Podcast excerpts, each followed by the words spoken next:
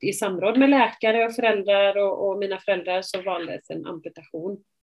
Det gjorde hela skillnaden för min del. Mm. Jag är så extremt mycket rörligare idag än om det andra alternativet hade varit. Hej och välkommen till Funkishörnan, en podcast. Idag med mig Jessica. Och Malena. Yes. Och idag så har vi med oss en gäst, Lisa. Vad jättekul att du ville vara med Lisa. Eh, får jättegärna börja och berätta lite kort om dig själv. Ja, eh, jag vet egentligen inte riktigt eh, hur jag ska börja, för det här är ju lite spännande. Det är ju alltid i förhållande till var man är, hur man presenterar sig. Eh, men jag, alltså en av anledningarna till att jag är här är ju att jag är född med en eh, en dysmeli. Eh, på min tid har vi alltid sagt missbildning och jag vet inte riktigt, jag tror inte alla ord, jag är jättedålig på vad man använder och inte längre, eller numera. Men jag är född med eh, en dysmeli och jag amputerades när jag var sex år gammal. Så det är ju en av anledningarna till varför jag är här då. Eh, idag så arbetar jag med affärsutveckling eh, till stor del. Jag investerar i techbolag, eh, sitter i styrelser eh, och jobbar eh, mer eller mindre aktivt med eh, våra eh, investeringar som vi har gjort i våra bolag. Du är en riktig entreprenör med andra ord. Jag hjälper andra entreprenörer. Ja, men ja, men ah, vi, vi har alla våra roller, tänker jag. Eh, och eh, det, den rollen som jag har idag är att hjälpa och stötta och eh, se hur andra kan nå eh, sin potential eh, genom olika uppdrag som jag har. vad häftigt. Det låter spännande. Det låter Ja. jättehäftigt. Ja. Mm. Nej, men vi bjöd ju in dig för att, just för att du är amp- amputerad och för att jag vet att du har jobbat med eh, proteser själv och Mm. eventuellt lite produktutveckling och så. Mm. Eller? Ja. Ja. Och det är det vi tycker är lite spännande, att man, kan, att man har hjälpt sig själv liksom, eller att varit med och utvecklat sina egna hjälpmedel. Mm. Framför allt. Och eh, som jag har förstått så har väl du själv varit lite som en här levande prototyp. Kan man väl Ja. säga. Jag blev inte helt färdig så jag fick vara prototyp efteråt också. Ja. I och med att det var din pappa som började med det här, eh. Kan man säga. Mm. Ja. Var det första knäleden han gjorde? Ja, eh, och det är inte första, men om jag bara enkelt ska dra liksom grundstoryn, eh, kanske kan vara en första, första del. Och det, jag föddes med en eh, avsaknad av tibia, så det lilla avsaknad av ett ben i vaden. Mm. Eh, en knäled som var deformerad eh, och muskelfästen som egentligen inte funkade. Jag föddes också med ett hjärtfel och det hjärtfelet opererades när jag var eh, åtta månader. Oh, Och sedan dess har det i princip inte varit några större bekymmer. Jag, nu återigen går jag på kontroller, men det är väl det som, det som mest märks är ett R. Mm. That's it. Eh, sen vet man ju inte hur det blir i förlängningen. Men däremot så, ehm, kroppen är ju sjukt smart. Så kroppen lägger ju inte energi på att växa någonting som inte behövs. Precis. Eh, och, eh, så att när jag då inte belastade eller använde mitt, eh, mitt ben som inte var så funktionellt lika mycket så blev det i förhållande till det andra växte inte lika fort. Vilket betydde att när jag var sex år gammal eh, så var det egentligen två val. Det ena var att amputera. Och då blir det genom knäleden. Eh, eller så var det att börja förlänga benet. Eh, och då går man ju, ja, den är, den, den, det, det är en ganska smärtsam och långdragen Mm. process. Så jag, tror, jag, jag kan inte hur det är utan idag, men ungefär fem centimeter på ett år tror jag det är man förlänger. Och då har du, du, du kapar lårben exempelvis och sen så går du med en ställning som kommer ut ur benet som du vrider på och separerar hela tiden då så det liksom Oj. bygger upp emellan. Eh, Det som gör ont. Ja, och. Du har ju detta, liksom denna stora koloss på utsidan av lårbenet och sen är det, jag tror att man väntar ett tag men sen måste du gå ner på vaden och göra samma. Mm. Och sen upp igen och så vidare då. Så att det, det är en ganska tuff process.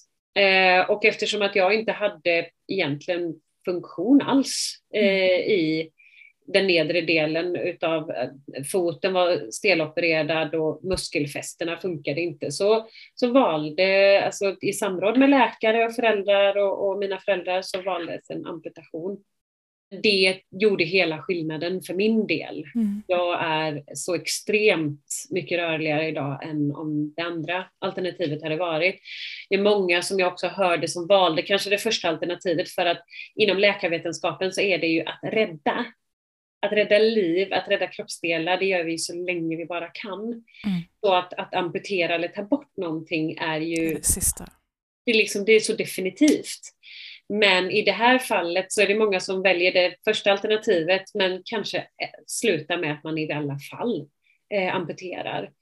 Eh, och det som det besparade mig och min familj var ju stor, alltså mycket tid på sjukhus. Mm. Mycket smärta. Exakt, smärta på sjukhus, eh, kanske inte kunna vara med och leka, inte kunna vara med eh, som, som andra barn så mycket som möjligt, liksom vara, vara med när det var viktigt och börja skolan och alla de delarna. Så för oss var det helt rätt val. Mm. Och det var ju också tanken att det skulle bli så bra. Det skulle ju bli så bra. Men sen blev det ju inte så bra. För det som skulle finnas fanns ju inte. Hjälpmedlen fanns inte, Nej. tekniken fanns inte. Och det, du, du bara suckar och skakar på huvudet och det här känns som att du verkligen känner igen det här. Stämmer det? Ja. Stämmer helt och hållet. Jag tycker inte allt det som... Jag har ett barn som är rörelsehindrat och s- alltså en balansstörning. Och hans, de säger att det ska finnas så mycket saker och det ska finnas så mycket hjälpmedel. Och det finns säkert. Men det går inte att få tag på. Det, är- ja, det är som det är. Ja, och det, jag, jag, jag tror att idag är det nog ett annat läge än vad det var då. Vi pratar 87. Mm. En stor del fanns faktiskt inte då. Eh, men idag finns det ju, Mm. Men det går inte att få tag på. men det är utanför liksom, möjlighet att använda. Och där har jag ju i, i våran del, det är samma sak där. Mm. Men vad som hände då, då när det faktiskt inte fanns mer än kanske motsvarande gångjärn då för barn. För barn är ju, när man säger att de, det, allting behöver vara eh, tre gånger så lätt, behöver väga tre gånger, alltså en, en tredjedel så mycket, men vara tre gånger så starkt på grund av att barn leker, lever, sliter ju på ett helt annat sätt. Eh, och, så att min pappa började med att egentligen ta en vuxen knäled och göra den i litet format. Det här vet ju inte jag själv, men jag har ju vänner som har varit med mig, lite äldre, och sa att men han satt ju alltid med ett ritblock och tittade på mig när jag lekte. Wow. Och satt och tittade liksom i, i, den, eh, i den bemärkelsen att se, ja men okej, knäleden, idag ser den ut så här. Mm. Eh, och eh, det här gummit gör att det låser så att man ska kunna eh, gå på ett naturligt sätt, sätta ner hälen egentligen utan att, utan att vara rädd för att knät ska kollapsa. Eh, och här uppe så är det olja i den här, så det är hydraulik i denna. Så när knäleden den böjs så här Eh, och sen är det olja här uppe och hela den här enheten skapades eh, på grund av att han satt och tittade på oss när vi lekte. Det var ju skitjobbigt att springa, klart.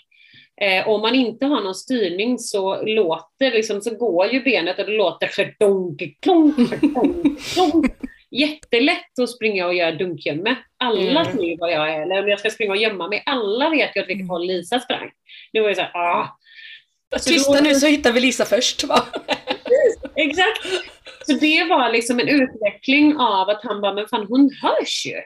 Ja men okej, jag måste göra någonting så att hon kan ha bättre kontroll, springa snabbare och inte låta så mycket. Mm. Eh, så då kom den. Så att han hade ju ingen aning, han hade, han hade ingen kunskap om, mer än vad gemene man, om kroppen, om biomekanik, om eh, hjälpmedelsteknik. Han kunde ingenting om det innan, vilket gjorde att han hade en ingångsvinkel som utgick ifrån mig. Jag är lite nyfiken på, för jag vet inte om, jag, om det var någon artikel eller om det var någon intervju jag såg med dig Lisa, där du berättade att din pappa hade tittat och pratat om att det är klart att din, min dotter kanske vill ha höga heter det?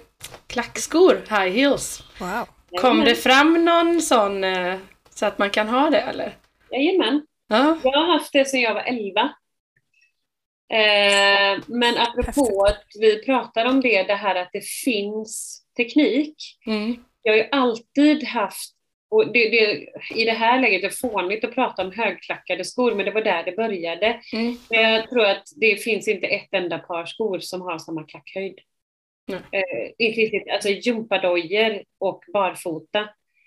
Eh, många med eh, proteser kan inte gå barfota utan måste ha skor med klack på för man har samma klackhöjd hela tiden. Så man kan inte gå eh, barfota knappt. Eh, eller så ändrar du inställning. Ja. Så det handlar faktiskt inte bara om att kunna gå med klackhöjd utan det handlar om att kunna ha gympadojor och sen kunna ja. gå inne. Okay. Det, det, är verkligen det, det, är så stor skillnad. Förändrar du vinkeln på foten längst ner mm. så kommer du ändra vinkel på vaden och då kommer du ändra vinkeln i knät. Alltså hela, hela det, det förskjuts hela vägen upp. Så då blir det liksom tekniken funkar inte som den ska om du inte har rätt. Men visst är det så att jag har haft detta, men det är så många. Nu gör de jättemycket reklam för den. Alltså jag har haft en, då, en prototyp och den har funnits på marknaden sedan början på 90-talet, den här foten. Mm. Och nu gör man stora eh, uppvisningar i det här företaget om att man kan göra detta. För man har inte velat lämna den, eh, det ansvaret till oss eh, som vill kunna eh, ha höga klackar. Eller... Hur, hur gör ni med att pjäxa i så fall? För jag har sett att du åker skidor. Jag ja. åker skidor själv. Mm. Eh, och eh, bakgrundshistoria, jag åkte skidor mycket som barn. Men sen så gjorde jag illa mitt ben och jag fick en eh, nervskada. En nervskada som gör att många amputerar ben. Eh, det är så jag vet om dig och sen berättar Jessica att hon känner dig också. Så på den vägen. Och jag lever med den här hemska nervsjukdomen med fantomsmärta. Men det hindrar mig att åka skidor. Men du åker skidor med amputerat ben och det är jättehäftigt att se.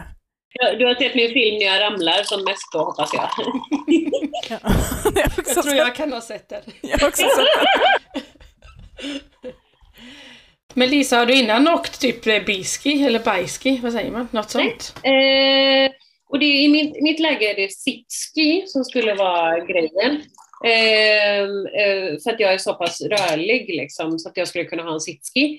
Eh, men jag slog ihjäl mig på den här sitskin, alltså shit pommes frites. Oj, oj, oj. Eh, jag var så blåslagen. Alltså, jag är så impad på de som kan det.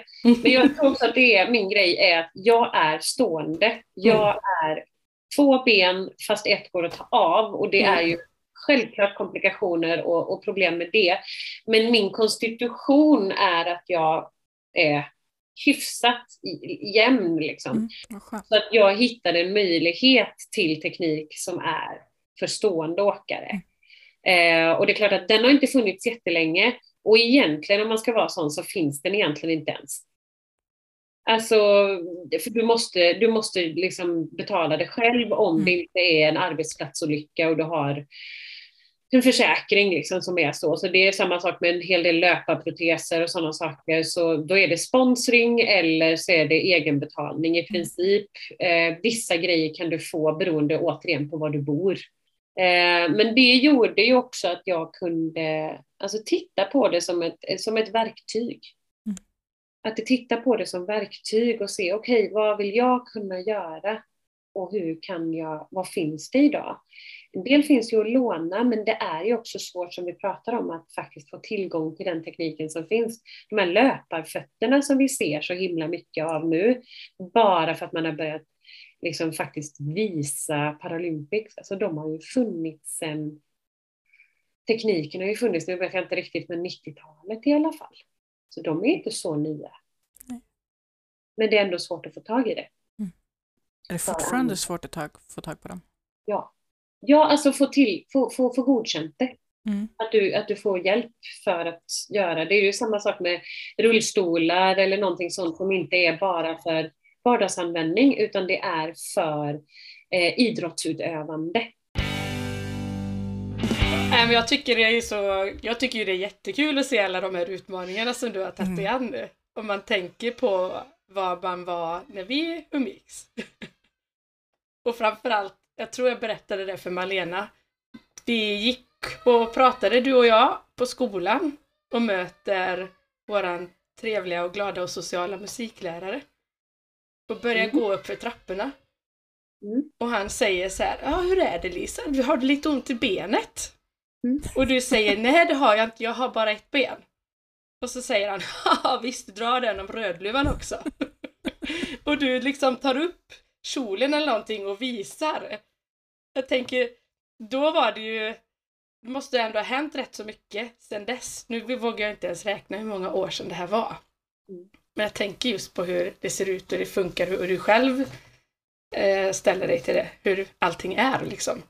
Alltså som benprotes, så som jag hade det då, var Mm. ju med ett, en, en skumkosmetik. Mm. Eh, som en, eh, alltså typ som det finns på möbler. Alltså skumgummi. Eh, och som är format som ett ben, vilket betyder att det inte behöver synas. Eh, jag gick ju heller aldrig i shorts eller kort kjol. Eh, för skumgummi blir ju gult. Precis som i en gammal möbel och det är ju inte jättevackert. Men har man byxor eller strumpbyxor så syns det inte jättemycket och tack vare att jag då hade jag har haft goda förutsättningar, dels i eh, min egen kroppskonstruktion, i vad jag har haft, men jag har tränat otroligt mycket, jag har alltid gjort, jag har alltid haft också då där var ju också en del, ju, ju mindre det syntes i, i liksom utvecklingen av protesteknik och hjälpmedel, ju mindre det syntes desto bättre var ju produkterna. Eh, så att jag, jag fick ju konstant påminnelse, men jag har också muskelfästen idag som gör att jag är stark och jag har goda förutsättningar. Jag har inte som, jag har också tur, jag har ingen eh, fantomsmärta. Skönt. Eh, Den jag har rolig. Nej, jag har fantomkänslor och jag kan få liksom, stickningar i nerver någon gång Mm. då och då, men jag har inte problemet med smärta.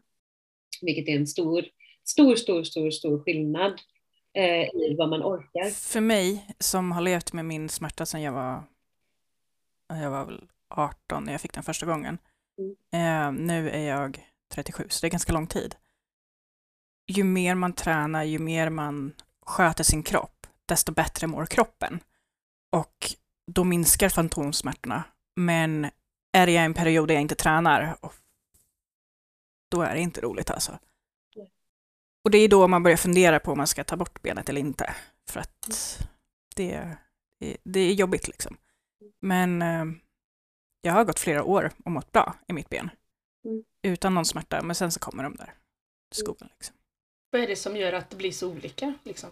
Alltså att det går upp och ner? För mig, det, för uppskoven. Ja, Ehm, jag vet inte, det är nerver bara. Ja. ja, Nerver, det vet de är, de, de är, Men, de är men det lite du pratar om, det kallas C, eh, CRPS, CRPS. Jag bara, C, många S R P och A. eh, komplex regional smärtsyndrom. Eh, och jag har förstått att det är ju egentligen lite samma som med fantomsmärta. Man vet Mm. inte var det kommer ifrån, man forskar. Eh, men eh, från början vet jag med fantomsmärta att man trodde att det kom ifrån nerverna. Eh, men att idag börjar man titta på det också från en annan vinkel. Mm. Jag har tinnitus. Min pappa har tinnitus.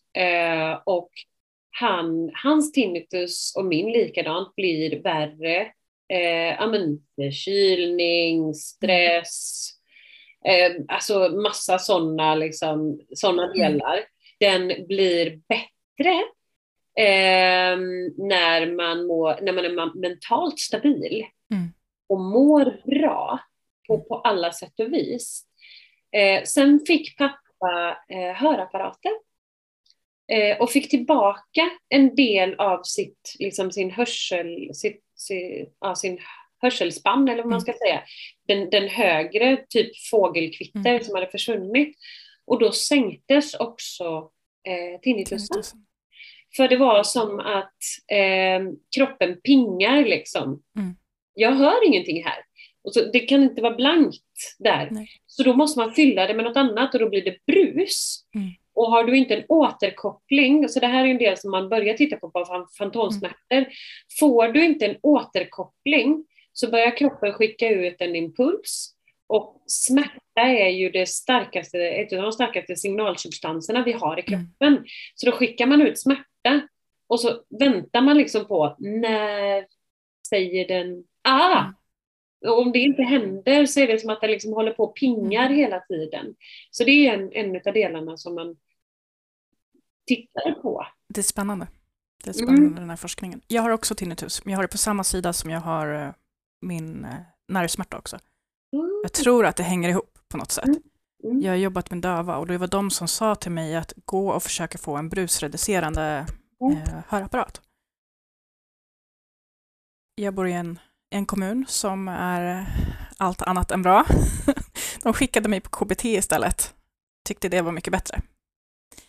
Eh, det hjälpte inte. Det tog inte bort tinnitusen och jag får fortfarande ingen hör, hörapparat som är brusreducerande. Ja, det är ju alltså det här vi pratar om då, hjälpmedel som finns, apropå det vi började prata om med Mm. tider.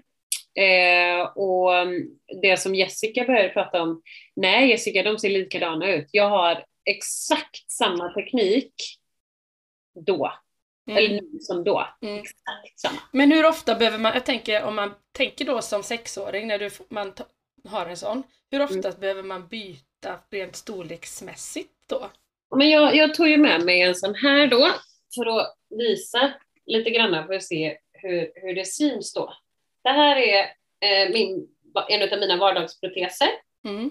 Fot, Det är nu vi ska uppmana alla som lyssnar på Spotify och sådär att Ja. gå in på Youtube och kolla istället. yes. Japp. Och det här jag har är ju amputerad genom knä. Så att så här ser det ut om man har en genom knä eller eh, över knä, då lårbensamputation. Så det består av en fot, någon form av rör eller liknande emellan, sen en knäled och sen en hylsa. Och hylsan här uppe, nu är det kosmetik på den här, den är det som fäster mot kroppen. Okej. Och den är det ju som man behöver byta ut. Det andra är ju det andra är ju mekanik på ett helt annat sätt. Eh, och det kan gå sönder också, men allt eftersom man växer eller går upp och ner i vikt eller så, så är det framför allt hylsan det som är mot kroppen som man byter. Ja, okej. Eh, sen kan du bara förlänga eller förkorta distansen mellan knäled och fot, du får ha en större fot och sådana saker. Mm. Så att där är det ju ungefär samma teknik som det var då. Mm. Och samma för barn och som vux- för vuxna då? Samma, exakt samma? Ja, sen finns det ju, alltså beroende på, men det finns barnteknik. Alltså Mm. det finns ju en knäled som är mindre, lättare och mer färgglad. Ja, okej. Men, men du, du har något jättehäftigt för att, som du sätter på vaden, Mm. som är olika färger, olika Yes. saker. Det tog jag med några stycken också här då. Eh, och det här, det finns, eh, nu är det inte public service, men det finns många olika märken. Jag, gillar din, din, eh, den som är ritad på. Ja, just det, den har jag faktiskt inte med mig. Min, min, eh, den, den, men det är samma, samma typ, samma material och sen är det bara att det är enfärgat. Så då har vi Mm. valt att måla med Posca-pennor på som man kan ta bort då. Eh, och eh, kan liksom göra lite olika. Nu gör jag inte det så ofta som jag tänkte att jag skulle göra. Men det, det, den möjligheten finns. Men det som är lite roligt med det här det är att ja, men sen, vi kände ju, lärde ju känna varandra, jag och Jessica, på, eh, på gymnasiet och vad pratar vi då, Jessica? 97? Slutet på 90-talet. Ja. Ja, slutet på 90-talet. Mm. Ehm, men, men grejen var att jag, jag har ju ändå berättat om att jag är amputerad, men jag kanske inte har visat min protes och skrikit ute eller så. Men har man frågat, som du berättade om den musikläraren, har frågar han så, så berättar jag, då säger Mm. inte jag mm, ja, jag har lite ont i benet idag, utan Nej. då säger jag nej, jag har ett ben. Så jag har liksom inte skämts över min eh, funktionsvariation, men jag har inte tyckt protesen var vacker. Mm. Den har inte varit jag. När jag hittade det här bolaget som gör de här 3D-printade designade skalen som är lite roligare än, än de Mm, här mycket roligare. Ja men precis, lite kosmetik sådär. Ja. När jag då hittade detta bolaget och investerade i det bolaget eh, så valde jag att självklart, ja men då måste jag ju testa själv. Och där började min resa att komma ut som amputerad. För helt plötsligt så var jag tvungen att börja eh, visa som jag aldrig hade gjort innan. Mm. Men jag kunde också vara stolt över att det var coola färger, det kändes som jag, jag är färgglad, jag är inte skumgummigul, utan jag är liksom färgglad och tycker det är roligt. Så att då kunde jag, liksom, jag kunde känna att det här jobbet behöver jag göra. Och det var faktiskt också på grund utav att jag hade fått, eh, vi hade fött vårt barn, eller jag hade fött våra barn. Men i vilket fall som helst, vi hade fått vårt barn. Och jag hade hört en historia av en annan tjej som är född med ungefär samma funktionsvariation som jag. Att hennes dotter hade fått kämpa ganska mycket emot alltså, hennes klasskompisars kompisars kommentarer och bara, ja ah, men är det din morsa som är hon med träbenet? Och känt att hon för, behövde försvara sig och slog. Liksom, för att hon blev så arg och så frustrerad, detta barnet. Eh, och jag kände att okej, okay, om mitt barn hamnar i samma situation, vad skulle mitt drömscenario vara då? Och då hade jag tidigt definierat att mitt drömscenario är att han säger ja, ah, det är hon, hon har så många coola proteser hemma, du måste komma hem och kolla. Mm. Det var liksom min målbild. Så att börja gå då och visa med de här coola som jag kunde stå för. Och det gjorde att jag gjorde en inre resa, en personlighetsutveckling som var väldigt, som jag tror det, det, det går liksom inte att gå i terapi för att komma dit. Eh, för min del, alltså, utan det här, det här hände på grund av att jag levde livet med en, en ny inställning, en ny möjlighet, någonting som jag hade valt. Jag hade ju valt det här eh, och, och kunna gå och visa de här coola designade prylarna med färger på och säga att ja, de är 3D-printade. Kolla här, de sitter med magnet. Wow! Eh, och alltså, helt plötsligt så blev jag det blev en, blev en helt annan grej. Men i den resan så började jag också titta på min protes i ett annat, en annan bild. Jag såg att det här var ju bara ett hjälpmedel. Men det här ser inte ut som ett hjälpmedel. Nej. Dina glasögon ser inte ut som hjälpmedel. Nej. Alltså, men det är unika liksom. Ja, och vi kan få välja hur det ska vara. Att det finns så mycket olika sätt att faktiskt få samma funktion. Mm. En funktion kan man skapa på väldigt många olika sätt. De här har ju from stigma to style som, Mm. sitt, liksom, som sin tagline. Och det är ju en, en, en sån grej i det här att, ja men fine, men det här är ju inte, alltså ja, när jag går så här, när jag går med min gula kosmetik, Mm. eller när det inte syns, när det syns så här eller när det ser ut så här så får jag tre helt olika bemötanden. Ja, från såklart. omgivning. Såklart. Helt olika bemötanden. Eh, alltså det, är- det är som natt och dag, fast det är exakt samma teknik. Mm. Exakt samma inuti. Och jag är samma person. Men omgivningen möter mig på ett helt annat sätt. Jag var med i ett forskningsprojekt som jag stöttade uppe på eh, högskolan i Hälsohögskolan i Jönköping angående eh, proteser, och, eller benproteser faktiskt i detta läget. Eh, och då skulle vi skriva olika ord, vad vi kände när vi, alltså sätta ord på olika typer av proteser och sådär. Då var det bland annat löparprotesen med. Och min känsla var ju, en stor del var rörelseglädje. Jag kommer inte springa mara, jag kommer inte springa, alltså på riktigt, jag har inte sprungit på hela mitt liv under, så att, att komma upp till den, eh, den fysiska mm fantastiska formen. Vi får väl se om det händer när jag är 50. Men eh, alltså... Jag tror på dig Lisa. Ja, jag tror på mig själv med. Jag har ändå ett par år kvar nu, åtta eller något. Mm. Ja, åtta och ett halvt år Men ändå, ändå få känna att du kan springa, att du har möjligheten att välja att om du vill springa. Mm. Det är viktigt. Och kunna också det här med att eh, alltså all rörelse är ju Eftersom att normen är att vara tvåbent, egentligen man. Tvåbent vit man är normen i våra, liksom, samhälle. Eh, och är du inte det så, eh, alltså, så är det fortfarande det man får förhålla sig till. Och eh, att bara då gå på ett pass, vilket som, mm. så är det ju någon form av hopp, studs, Precis. Snabbt röra sig på något sätt. Så när jag och min son ska ut och leka så säger han gärna ta på dig löparbenet mamma, du är mycket roligare då. Mm. På grund av att jag, ja, men det är inte så jobbigt och ja vi springer dit, vi hoppar upp här, vi gör det här. Mm. Att, att det blir en annan dynamik i det och mm. vad händer om vi tillåter tidigt, och ni, många av er har ju barn då, vad, vad, vad händer om, om vi faktiskt ser att den här tekniken finns och, och det är kanske viktigare än någonsin med den fysiska rörelsen mm. hos människor med funktionsvariationer. Okay. Du sa ju det själv att ja, men min smärta är mycket mindre om jag tar hand om min kropp. Mm. Men om det ska vara så jävla jobbigt att ta hand om sin kropp. Och jag tänker en annan grej som jag brinner jättemycket för, det är mental träning. Mm.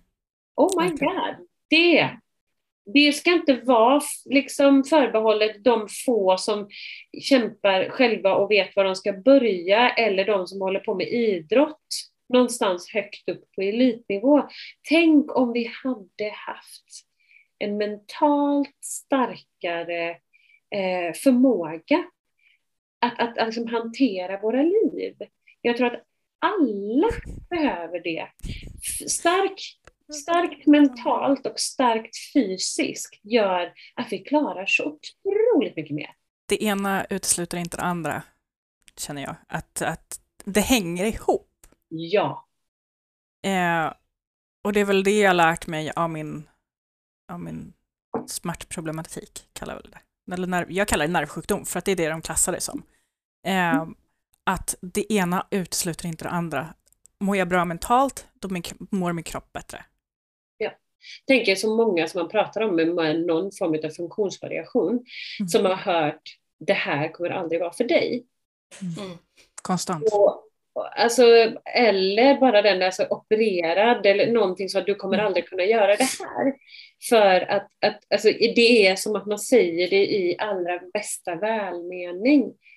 Men det fuckar ju upp ens mindset. Det var exakt det de sa till mig efter jag fick min diagnos. Nu är det inte så att jag har bara ett ben, utan jag har CRPS i halvsides. Alltså halva min kropp har CRPS. Och det är ganska ovanligt. Så att jag kan inte bara amputera halva kroppen, det skulle vara skönt. Det här med mental träning. Jag tänker om man tittar på många då som, som blir amputerade i Sverige eh, är ju över 80 år. Jag tror att det är 80-90 procent är över 80-90 år någonstans. Det är mycket eh, välfärdssjukdomar i Sverige som gör att vi har en väldigt gammal population eh, med amputerade eh, jämfört med nå, de då som kanske ska leva med det resten av livet. Mm. Och att det kommer att vara ups and downs, det kommer att vara att, att förstå, att vara snäll mot sig själv mm. och inte fortsätta att skada genom att säga fan vad jag är dum eller åh jag borde ha fattat eller det här borde jag klara precis som alla mm. andra eller de här delarna. Det kommer ju väldigt snabbt, men att också kunna lära sig. Och då behöver vi ju någon som kan hjälpa oss att förstå att det här är mänskligt. Det här är ett mänskligt sätt att reagera, men jag, efter att det har skett så kan jag sen med hjälp av träning välja hur jag förhåller mig till det som har skett. Hur jag förhåller mig till min smärta. Hur jag förhåller mig till att jag just nu inte kan göra det här. Och det är okej att vara ledsen, arg, förbannad, Absolut. bitter. Absolut. Det är helt okej att liksom känna alla de känslorna och säga att det är mänskligt att göra det. Sen att inte stanna i dem. Mm. Det är där vi behöver träningen i att klara av att hantera eh, hur vi tar nästa steg. Jag tror att jag hade mått bra på ett sätt av att bli eh, mer, men mer triggad i vad jag kunde göra. Nu var det på grund av att jag inte ville att mitt barn skulle giva en annan på moppo. Utan jag insåg att jag måste ta mitt vuxna ansvar och komma längre i mitt förhållande till min, till min protes och till min funktionsvariation. Och tack vare det kunde jag öppna upp så att nu är ju barnen, det är det bästa de vet när jag kommer med mitt ben. Och så säger de ah, nu är det ditt robotben och så kommer de och så rycker de av vaden från skalet och springer iväg. Jag bara, Okej, tack. Kan jag få tillbaka den nu? Mm. Att, att de älskar det, de tycker det är underbart och jag är coolaste morsan. Liksom. Va, Eh. va, vad, heter, vad heter företaget som gör de coola... Eh, just detta heter Unique, ligger i Spanien. Eh, och det finns ett svenskt som heter Anatomic Studios. Eh, så det finns olika, Olels finns i USA. Så det finns ett antal olika som gör det här idag, men det här är extremt, vi pratar bara fem år kanske tillbaka och det är fortfarande svårt att få det godkänt. Eh, det kostar som en dyr handväska, eh, 8000. Eh, men eh, Ja. det är ju alltså från 4 till 8000 och det är inte fullständigt eh, än har inte vården kommit dit att man faktiskt ser vikten av, man ser det på barns hjälpmedel. Eh, att de ska vara färgglada för att man vill att andra barn ska acceptera dem, att barnet själv ska acceptera sitt hjälpmedel och att barnet ska vilja använda sitt hjälpmedel så mycket som möjligt. Mm. Därför gör man det färgglatt, därför får barnen lov att vara med och välja till större del. Och jag sa jajamensan, för vi vuxna är jävligt annorlunda. Nej, det är vi inte. Vi är bara bättre på att dölja det. Mm. Eh, Mm. men det sätter ju sig på den mentala hälsan istället. Varför tror de att bara för att man är barn och sen blir vuxen att det ska ändras? Det, alltså personligheten fortsätter ju. Ja. Det är helt galet. Ja, jag vet, men som vuxen förväntas du vilja dölja det. Framförallt som vuxen kvinna i. Sverige så förväntas du vilja dölja det. Eh, och det är ju av allra finaste välmening, men det är ju det unconscious bias, det är omedvetet. En, en, det finns ju något som heter ableism. Det finns Ja. inget bra svenskt uttryck för det heller. Funkofobi. Ja, Funkofobi? Mm. Sa du det? Ja, Mm. Eh, och att, att det väldigt sällan handlar om, om en elakhet, utan det handlar ju om att vi inte, vi vet Kunskap. inte. Ja, det är Mm. kunskap. Det är kunskap. Och ju mer, alltså typ poddar, ju mer jag springer runt och visar mina konstiga ben för barnen i klassen så tänker jag asbra, då kan jag hjälpa de här barnen att se att alla faktiskt inte ser ut som deras tvåbenta Precis. föräldrar. Mm. Eh, utan alltså att det finns, det finns sätt att, att jobba småttigt litet här och nu. Mm.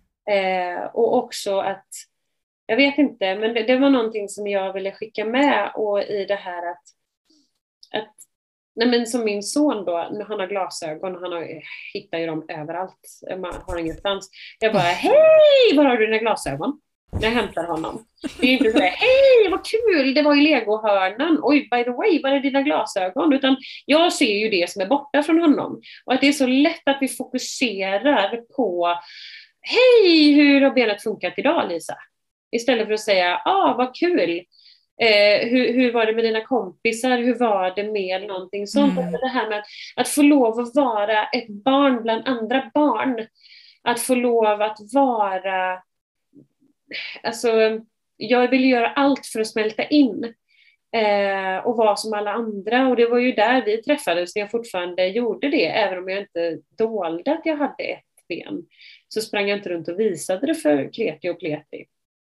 Men, men just det där att, att se att vi är ju hela människor. Mm. Vi är hela människor och vi har olika cocktails av både det ena och andra. Men vi är fortfarande människor. Vi mm. är inte våra funktionsvariationer. Vi mm. har dem. Vi är dem inte. Jag är amputerad, ja det kan man ju säga. Eller så har jag amputerat mitt ben. Mm. Ja, jag har ett ben. Men jag, alltså, det är den där, jag har protes, jag är inte min protes.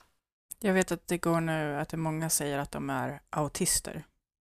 Mm. Jag har själv ADHD, så jag har ju en funktions... Vad jag säger för funktionsvariation, men jag vet att inte många kallar det det. Mm. Det får vara vad det är.